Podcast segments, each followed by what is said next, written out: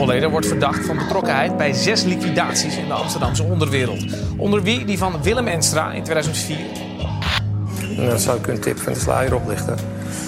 Als ik dingen niet wil beantwoorden, zal ik dat niet doen. En als ik ze beantwoord, zijn ze eerlijk. Vanaf dag 1 gaat het echt hard tegen hard in de extra beveiligde bunker in Osdorp. Waarbij opvalt dat de hoofdpersoon buitengewoon spraakzaam is. Jarenlang was zij het bezit van haar broer. Hij bepaalde alles in haar leven en bedreigt haar meerdere malen met de dood, zegt zij. Willem Holleder. Welkom bij Willem, de wekelijkse podcast over de bekendste crimineel van Nederland. Mijn naam is Harry Lensink en tegenover mij zit collega Marjan Huske. We gaan het vandaag hebben over de liefde. Meer specifiek de liefde voor Willem Frederik Holleder. En over hoe die liefde kan omslaan in angst en haat. Want deze week kwam Sandra den Hartog naar de bunker in Amsterdam om te getuigen tegen haar ex. Uh, Marjan Sandra den Hartog, ook wel bekend als uh, Sandra Klepper. Wie is zij?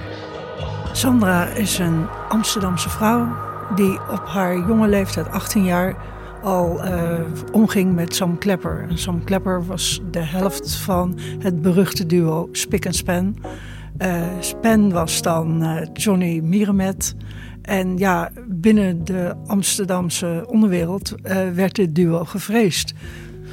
En ze waren bezig met onder andere wiethandel en afpersen. Dat zijn hun specialiteiten.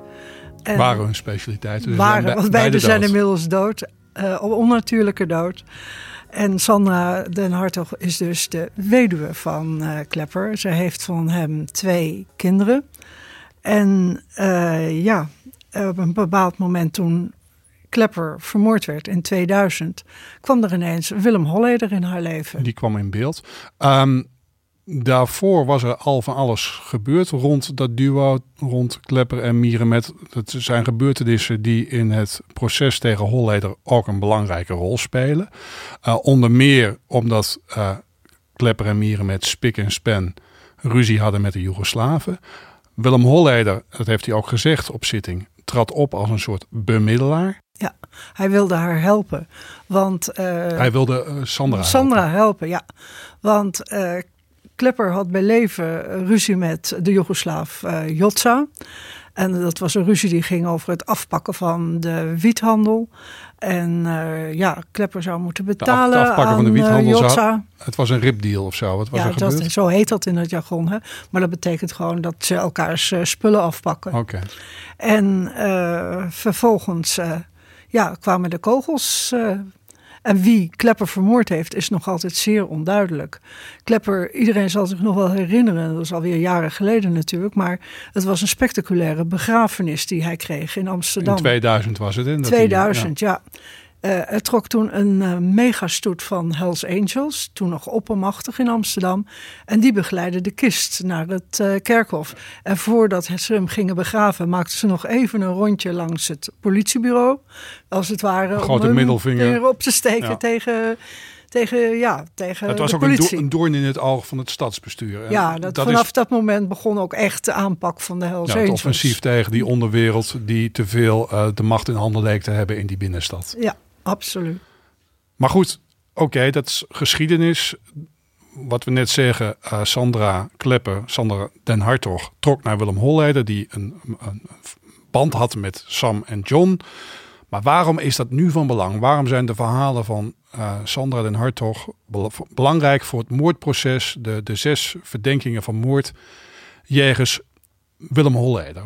Wat, wat draagt haar getuigenis bij? Nou ja, zij beschuldigt uiteindelijk uh, Holleder van de moord op uh, haar ex uh, Klepper. Maar daar wordt Holleder helemaal niet van verdacht. Nee, maar zij zegt dat ze pas na ja, 14 jaar achterkwam toen Holleder ruzie kreeg met haar zoon, dat hij toen tegen die zoon zich liet ontvallen van als je nou niet doet wat ik zeg, dan laat ik je omleggen. Net zoals ik je vader heb laten leggen. Om het even in het Nederlands te zeggen. Willem Holleder zegt dus dat hij uh, verantwoordelijk is voor de liquidatie van uh, Klepper. En dat hij eigenlijk ook die zoon uh, wel even zou aanpakken. Dat, is, dat vertelde ze ook deze week op zitting. Dat is voor haar de trigger geweest om te getuigen tegen Holleder. Maar goed, wat ik al zei, hij staat niet terecht voor de moord op Klepper. Hij staat terecht voor andere moorden. Daar heeft ze ook dingen over gezegd. Jazeker. Het begon natuurlijk ook met, met de dood van Cor van Hout. Uh, bedoel, in 2003? 2003. En uh, op die dag uh, kwam hij bij Sandra. En hij leek die dag in plaats van bedroefd hartstikke blij. Hij maakte een jolige indruk, zei ze. Niet dat hij liep te springen, maar hij vond het wel uh, oké dat Van Hout en, weg was. En toen ze ernaar vroeg, toen zei hij zoiets van... weet je hoe lang ik hiermee bezig ben geweest? Ja. Voordat het gelukt is. Ja, en vervolgens dat hij dan toch maar daar naartoe ging...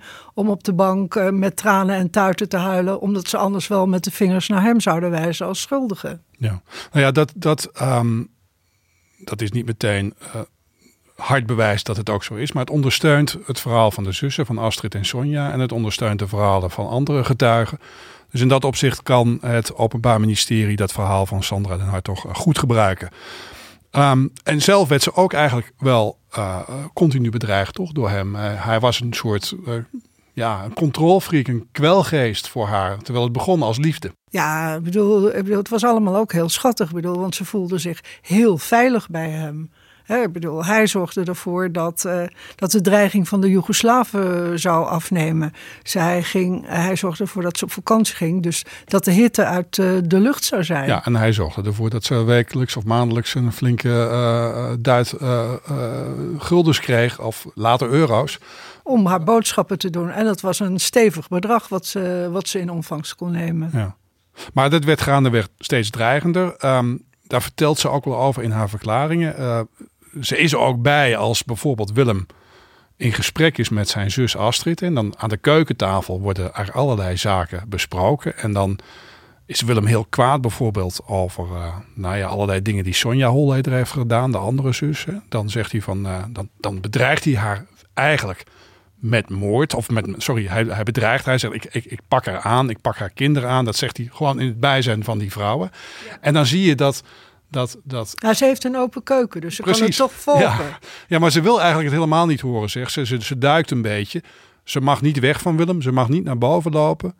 Ze staat in die keuken en dan zegt ze gewoon... Ja, dat, dat klinkt echt, echt zullig, maar dan ga ik maar een beetje was in de wasmachine stoppen. Of was uit de droge halen of de kat eten geven. Dat is een soort ontkenning. Ja, ja, gewoon het verstand op nul zetten. Maar dat was natuurlijk ook al zo toen ze met Klepper was. Want ze zei, ja, hij zat in de wiethandel. Maar ja, ik wilde eigenlijk niet weten waar hij mee bezig was. Ik had mijn kinderen en mijn eigen dingen hier. Op een bepaald moment gaan ze in België wonen. En dan heeft ze met Klepper afgesproken, want die gaat dan elke keer op en neer naar Amsterdam. Zij zitten voor de veiligheid in België. En dan heeft ze afgesproken. Ja, dan zegt ze van. Ik had een, een bij van spreken een, nou, een spreekwoordelijk tafeltje inderdaad bij de, bij de poort staan. En daar moest hij zijn zorgen maar achterlaten als hij naar binnen kwam. Uh, dus ze wilde gewoon niks weten van. Uh, ze ontkende zijn, zijn criminele levensloop. Ja.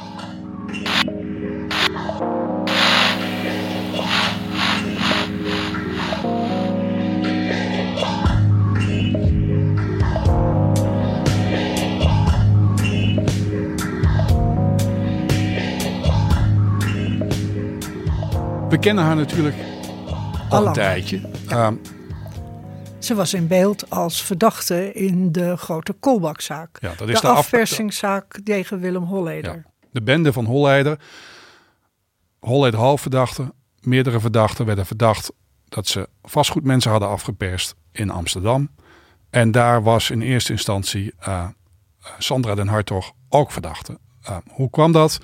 Nou, wat we weten is Willem Enstra, een van de mensen die afgeperst zou worden, de vastgoedhandelaar, die uh, zou grote bedragen geld, uh, grote bedragen hebben belegd van, de, van, van meerdere criminelen, onder andere van Spik en Spen. Uh, Mieren met en Klepper. 7 miljoen hè, zou Precies. Klepper belegd hebben nou, bij Enstra. Klepper werd doodgeschoten. En toen heeft Willem Holleder aan Sandra den Hartog beloofd ik ga het voor je regelen. Holleder en Enstra waren in die tijd nog met elkaar bevriend. Holleder gaat naar Enstra, komt een ontmoeting. En tijdens die ontmoeting uh, zegt Enstra tegen uh, Sandra den Hartog... Komt goed meisje, of komt goed uh, Sandra, dat geld komt jouw kant op. Maak je geen zorgen, ik ga goed zorgen voor je kinderen en voor jou. Maar dat is haar verhaal. En hij had een later had Enstra een ander verhaal.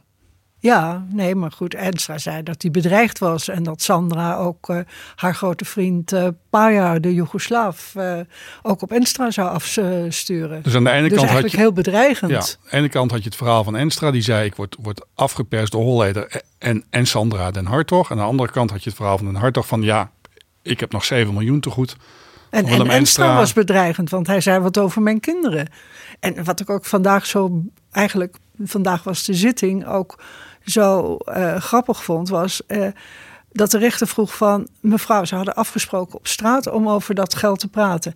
Toen zei die mevrouw, praat je dan... De rechter zei, praat u dan over, op straat over al die miljoenen? En dan had zij zoiets van, ja, ja, dat, uh, nou ja, dat leek wel alsof dat heel gewoon was... om over miljoenen op straat te praten. Ja, dat is, die naïviteit die kwam steeds terug. Um, maar het zit hem ook wel een beetje in die hele houding die zij heeft en die je ook bij andere vrouwen ziet. Uh, ook bij Sonja Holleider ten opzichte van de mannen, de criminele kopstukken. Wat ze doen is een beetje voor, uh, voor die mannen koken. Uh, zorgen, wassen. Zorgen, wassen, ja. Huis schoonmaken. Ja, ja. Het, het, en op bestelling, hè? Ja, en als ze dan bijvoorbeeld in het geval van Holleder, op een bepaald moment, Sandra en Holleder zijn heel veel samen. En als Holleder dan in de problemen kwam, tenminste dat vertelden ze, als hij in de problemen dreigde te komen, te komen en justitie zou een inval kunnen doen bij Holleder of bij haar, dan, dan zorgde zij ervoor dat de kleding van Holleder, dat ze die als eerste veilig stelde. Want hij was zo gehecht aan, uh, aan zijn kleding. En uh, nou ja, dan haalden ze dat weg en dan bracht ze dat naar een, uh, naar een veilige plek. Dat was haar taak. Ja, en uh, verder kreeg ze altijd piepen van hem met zijn piepers. Dat uh, ze eten moest komen brengen. Of eten halen. Daar had ze speciale codes voor. En ja. dan wist zij... Um, dat hij naar, of ze naar de Surinamer moest of uh, naar een andere winkel. En dan stond ze klaar. Ja. Maar het was ook gezellig. ze ging ook mee uit eten. Ze zag ook de goede kant van het leven van Amsterdam-Zuid. De betere restaurants. Ze had anekdotes over hoe ze samen met hem bijvoorbeeld naar het uh, voormalige restaurant Spring in, uh, in de Cornelis Schuitenstraat uh, gaat. Ja, en dan, dan schuift ze daar aan. Dan zit ze er ook een beetje bij als het vrouwtje. En dan gaat Holleder gesprekken aan met nou, mensen uit de bovenwereld. Er komt er bijvoorbeeld een Erik de Vlieger. Komt, tenminste, dat vertelt Sandra. Komt Erik de Vlieger langs. En dan gaan ze het hebben over vastgoed. Ja, Holleder over investeringen. Zijn weg naar de bovenwereld. Ja, en nou maar, ja. soms mocht zij ook niet mee. Hè? En dan moest een van andere Holleder-vrouwen komen opdraven. En in dit geval uh, de vrouw voor de bovenwereld, Maaike Dijkhuis. Ja, dat was zijn nummer één vrouw. Dat was de vrouw met wie hij ook een, uh, een kind heeft, een, ja. uh, een zoon.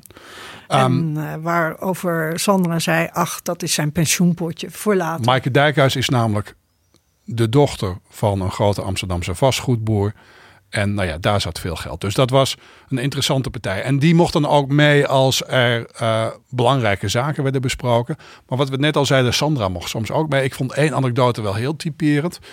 Um, ook weer in hetzelfde restaurant Spring. Dan schuift uh, Holleder aan samen met Maaike. En de andere tafelgenoten zijn Sandra en Bram Moskowitz. Ze hebben een leuke avond, geanimeerde gesprekken. En nou ja, Moskovits en Sandra kunnen het wel goed samen vinden. Die zitten lekker te praten en er is geen vuiltje aan de lucht. Holleder vindt het ook gezellig. Op een gegeven moment stappen Moskovits en Holleder op. De dames blijven nog even zitten. Gaan op een gegeven ogenblik ook naar huis. En dan wordt Sandra gebeld ja. door Willem. En die loopt te schelden en te vloeken en te tieren. En ze moet meteen naar zijn woning in Amstelveen komen. Ja, de parkeergarage. En, ja, de parkeergarage daar beneden, daar staat hij op haar te wachten. En ze denkt, wat is er aan de hand? En wat is er aan de hand?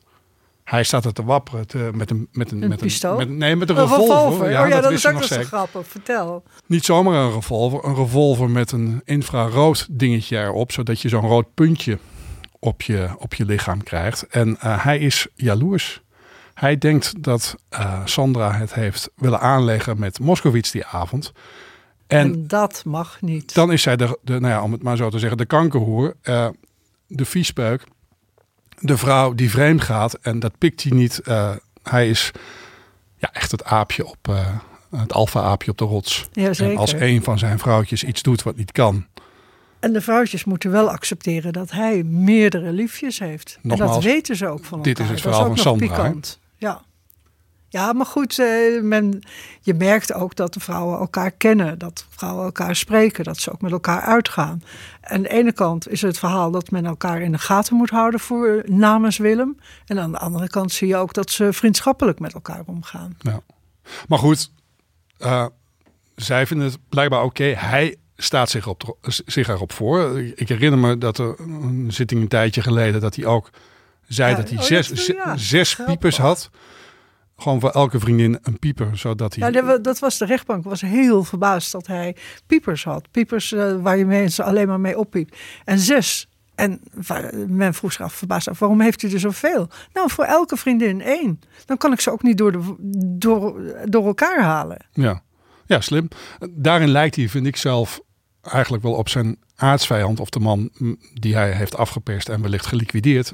eh, Willem Enstra. Dat Oh ja, was daar ook heb zo'n je ook een boek over geschreven. Ja, dat was ook zo'n womanizer. Ehm, daarvan werd gezegd dat hij gewoon een bos sleutels in zijn auto had liggen. En voor elk appartement een aparte sleutel. Want daar had hij zijn harem in ondergebracht. Eh, op, op zijn hoogtepunt zou hij maar liefst tien vriendinnen erop nahouden. Dus ehm, ja, het was toch een wedstrijd verplassen blijkbaar tussen die mannen. ehm, die ooit een goede vriendschap hebben gehad. Ehm, nou ja, één Maar, bij elke, we- maar één, er is wel één constante. Willem had die vrienden, vriendinnen wel, omdat hij dacht er beter van te worden. Dat hij via he- hen aan geld kon komen. Dat is wat, dat is wat Dat, zijn eh, zussen beweren. Hè? Wat zijn Eh, zussen beweren. En wat je ook wel een beetje nu een beetje proeft bij, bij Sandra. Ja. ja, dan komen we weer terug bij Maaike Dijkhuis. We hadden het net al even over haar. Ehm, de dochter van vastgoedondernemer Chris Dijkhuis. Daarvan zij hebben zowel Astrid, eh Holleder als Enstra, eh, Willem Enstra als Sandra den Hartog gezegd van dat deed hij echt voor haar geld. Eh Enstra zei letterlijk dat is de vader eh, van zijn goudmijntje. Als pa dood is dan gaat hij met de trouwen en dan heeft hij een paar honderd miljoen. Dus dat heeft hij helemaal uitgerekend. Nou, met die vrouw. Maar ja, daar stak vader waarschijnlijk wel een stokje voor bij leven. Maar ja, in ieder geval, vader leeft volgens mij nog. En die twee zijn niet meer samen, dus dat is mislukt. In dat opzicht. Hij is daar nog, vooralsnog niet rijk van geworden. Maar voor, voor Marke Dijkhuizen heeft dat natuurlijk wel vervelende consequenties gehad. Haar relatie. Want ze was, net als Willem Holleder, werd ze opgepakt als verdachte in het grote afpersproces. Maar het grappige is, want toen waren ze eigenlijk al enigszins gebrouilleerd. Dus mensen kunnen wel roepen, hij deed dat voor het geld. Maar hij ging gewoon vreemd. Hij ging op dat moment vreemd met eh Sandra den, Hartog. En En anderen. Ja, toen heeft zij in een telefoongesprek, toen heeft Mike ook gezegd in een telefoongesprek met Willem, eh, nou, oneerbiedig gezegd, flikker maar op, ik hoef je niet meer te zien, je kind hoef je niet meer te zien, ik ben klaar met jou. Zeker nu je met deze vrouw, met Sandra den Hartog, een, een affaire hebt. En, en toen ze werd aangehouden eh, in, die, in die afperszaak, zoals je net al zei, toen zei ze ook, ik probeer al vijf jaar los te komen van Willem, maar eh, het, het verleden blijft me achtervolgen. Dus die liefde was eigenlijk wel over, zo leek. Ja, maar de, vervolgens uit het onderzoek bleek toch eh, wat justitie stelde, dat ze toch een vooruitgeschoven post was. En ook zij is toch eh, ja, mede veroordeeld op witwassen van, eh, van geld wat van Enstra naar Willem Holleder zou gaan. Ja, dat zag je zeker in dat afpersdossier. Hè. Dat was, wat, bij haar was dat zo. De vriendin van Sorel zat daarin. Eh, de, Ja, ook iemand waar die in, dus in relatie met Holleder werd gebracht. Want er werd gezegd dat er ook een, eh, iemand was die overhaalde om geld binnen te halen voor Holleder. ja, dus die vrouwen werden ingezet om eh, dingen te doen. Of nee, dat Enstra dingen voor hen deed. Dat er geld werd geparkeerd in BV's die zij op naam hadden. Dus ja, en dat daarvoor waren hadden de, ze weer leuke huizen waar ze konden wonen. En ze moesten soms een handtekening zetten. Ze hoefden niet zelf aanwezig te zijn als de contracten van de vele BV's van de ene hand naar de andere gingen. Ja. Nou, dat is dan de economische kant van, eh, van het liefde, liefdesverhaal. Ehm, maar als je de, de, de dossiers, de oude en de nieuwe erop naslaat, dan, dan, dan zie je dat, dat Holleder nou, toch vooral is een womanizer. een womanizer. eh, Iemand die de eh, vrouwen om zijn vinger weet te winden. Eh, we kunnen er een paar op een rijtje zetten. Maaike was een halfvrouw. Daar zijn we het over eens. Hè. Dat was voor een deel een economisch motief. Maar bovenwereld was ook, ja, maar er was ook liefde in het Ja. spel. Nogal, eh, eh, eh, het amoureuze gehalte van Holleder was groot. Blijkbaar, hij was een womanizer. Dat zegt eigenlijk iedereen. En hij heeft er ook best veel versleten. Laten we beginnen bij de eerste. Of Dat zou, eh, dat zou eh Beppie van Renen zijn. Een vrouw die echt met hem heeft gebroken. Bij haar heeft hij ook nog een dochter. En eh, deze Beppie had een vader die op de markt stond. Een, marktkoop- visboer. Een visboer. Ja, op de Albert En dat was iemand die wel aan Holleder duidelijk heeft gemaakt... dat hij eh, zijn dochter verder met rust moest laten. Ja, blijkbaar heeft hij daar ook geen contact meer mee. Een andere eh, die we nog tegenkwamen. Uh, Ank Friedlander. De vrouw van Friedlander, van de... moet ik zeggen. Ja, ook weer iemand in het vastgoedwereldje. Ja, de, de vrouw, vrouw van Rolf Friedlander. Iemand die nota bene... eh, een vastgoedman die afgeperst zou zijn door, door Holleder. Daar is hij Alhoewel voor, hij dat ontkende. Hij ontkende, maar hij is er wel voor veroordeeld. En bij uh, Ank heeft hij aan de deur gestaan om nou ja, die, afpersing te doen of nog het geld te krijgen. Dat was dus zijn ex. Ook, ook nou ja, de, hoe, dat kleine wereldje van Amsterdam-Zuid waar iedereen elkaar kent. En waar je het ene moment elkaars vriend kan zijn en het volgende moment tegenover elkaar kunt komen te staan. Um, je kent er nog één. Ja, de eentje, degene die, die, die naast hem zat toen hij werd aangehouden in, uh, wat was het, januari 2006. Dat is iemand waar we niet zo heel veel van weten. Chantal Oornink zat naast Willem uh, toen hij werd van de, volgens mij van de ring werd geplukt door een arrestatieteam. Uh, wat ik wel van haar, wat ik wel weer een opvallend detail vond. Uh, zij komt later naar voren in het dossier Badr Hari. Uh, Waar ze dan weer ook een liefje van is. Ja, en door wie ze mishandeld zou zijn. En nou goed, dat, dat is blijkbaar de rode draad in het Vra leven van. Oorning. Dat vragen, ze vragen ja, vallen op mannen met misschien soms wel wat vreemde gewoonten. Ja. Um, en last but not least, laten we haar ook niet vergeten. Uh, een vrouw die volgens mij tot de dag van vandaag Willem uh, redelijk uh, trouw is. En Niki, verdedigde. Ja, en verdedigde. En nog steeds begreep ik van, van mensen die ook in dit proces van de hoed en de rand weten. Niki Krawinkel, Duitse Niki, heet in het echt Monique Visser en komt uit Rotterdam. Is voor zover ik weet, ooit getrouwd geweest met een meneer Krawinkel uit Duitsland. Een, een rijke, rijke, meneer, meneer. Daar komt hij weer. Ja. Willem zag weer een uh, zak met geld in vooruitzicht. Ja, daar heeft hij ook een tijd een relatie mee gehad. Uh, ja, dat is iemand die in hem is blijven geloven. Ze heeft zelfs een keer bij RTL Boulevard het voor hem opgenomen. En zoals een van de zussen wat, uh, ja, wat, wat, wat sneerderig zei, die stuurt hem altijd uh, luxe kleding, van die Hermes kleding, op uit Duitsland. Ja, dat was dan weer die kleding die, die Sandra veilig moest stellen. oh, ja, dat zal het zijn geweest.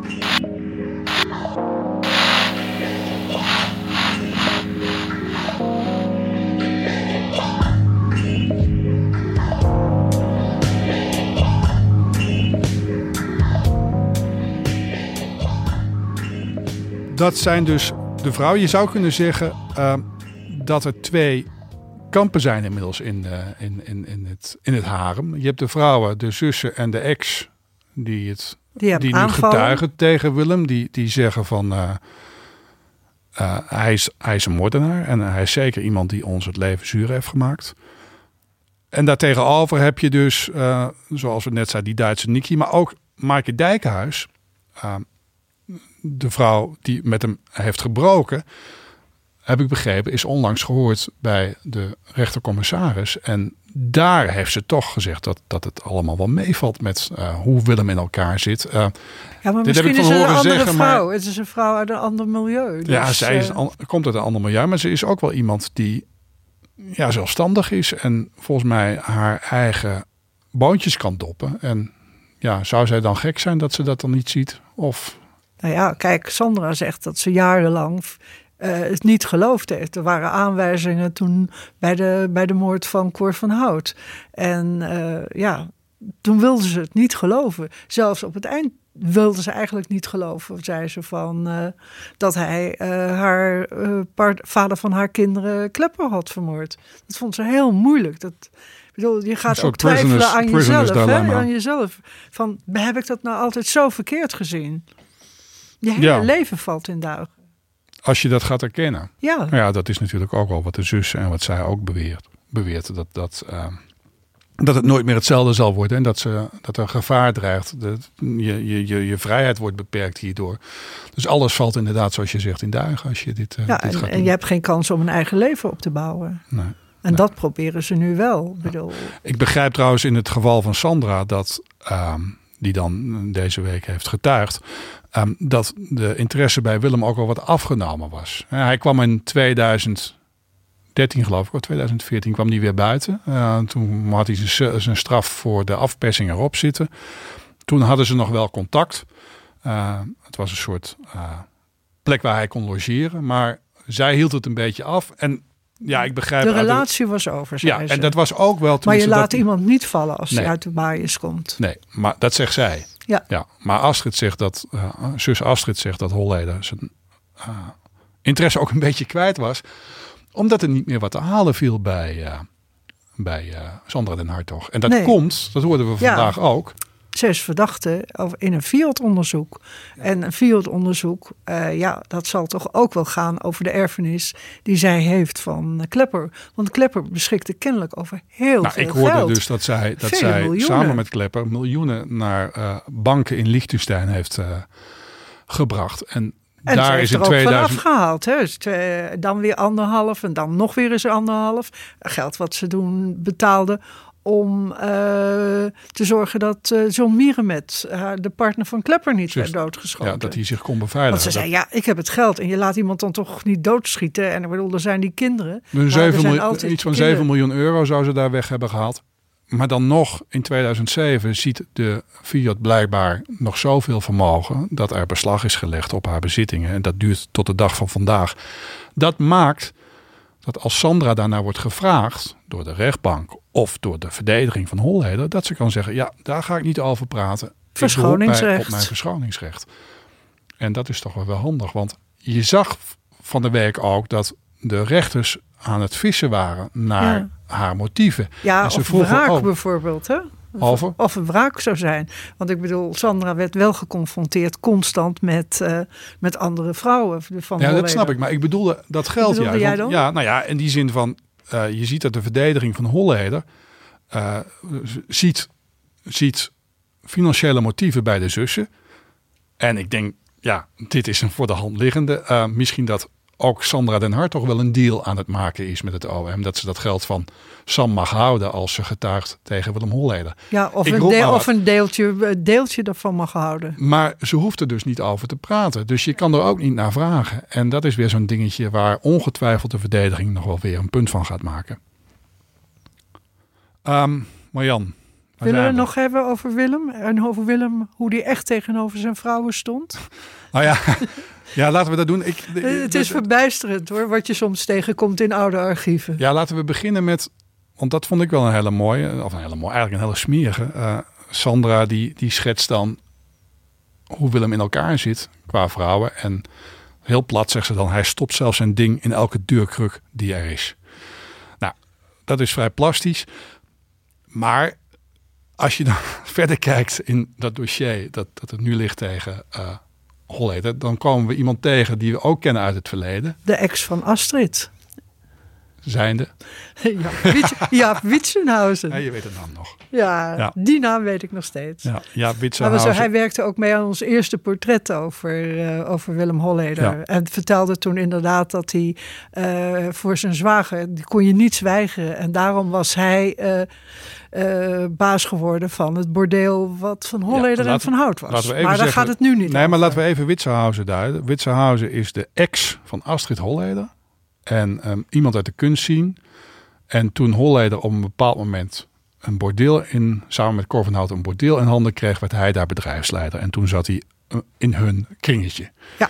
En, Hij werd eh, opgevoed door Holleder. ja, Hoe en, ga je met vrouwen om? en nu vonden wij een proces verbaal, een verhoor met eh, Jaap Witsenhausen, waarin hij vertelt hoe hij op een gegeven moment met Holleder op stap gaat. Eh Holleder wil hem laten zien hoe je met vrouwen omgaat. En eh nou, wat hij dan vertelt, we stopten bij het eerste huis. Het was in Osdorp en daar deed een vrouw open en die zegt, dag schatje. En waarop Holleder uh, zegt van, staat er koffie klaar? Uh, tenminste, zo vertelt Witsenhausen het. En dan vertelt hij dat uh, Holleder die vrouw op het aanrecht neemt dat ze seks hebben. Terwijl hij erbij staat. dan kijkt Holleder naar Witsenhausen en zegt, zo doen wij dat dus met vrouwen. Nou ja, natuurlijk een belachelijke anekdote, maar ja... Uh, nou, daarna gingen ze naar het volgende adres. Ja, je denkt, uh, zou hij het verzonnen hebben, maar waarom? Inderdaad, naar het volgende adres. En daar was iets echt. En naar nog een volgend adres. En er was iets heel opmerkelijks. In al die, al dat die appartementen. Vriendinnen, vriendinnen van, van, van Holleder. En het waren in alle appartementen stonden dezelfde soort meubels. En ook allemaal dezelfde kleur. Grijs en roze. Dus ja... Uh, vond het gruwelijk. Ja.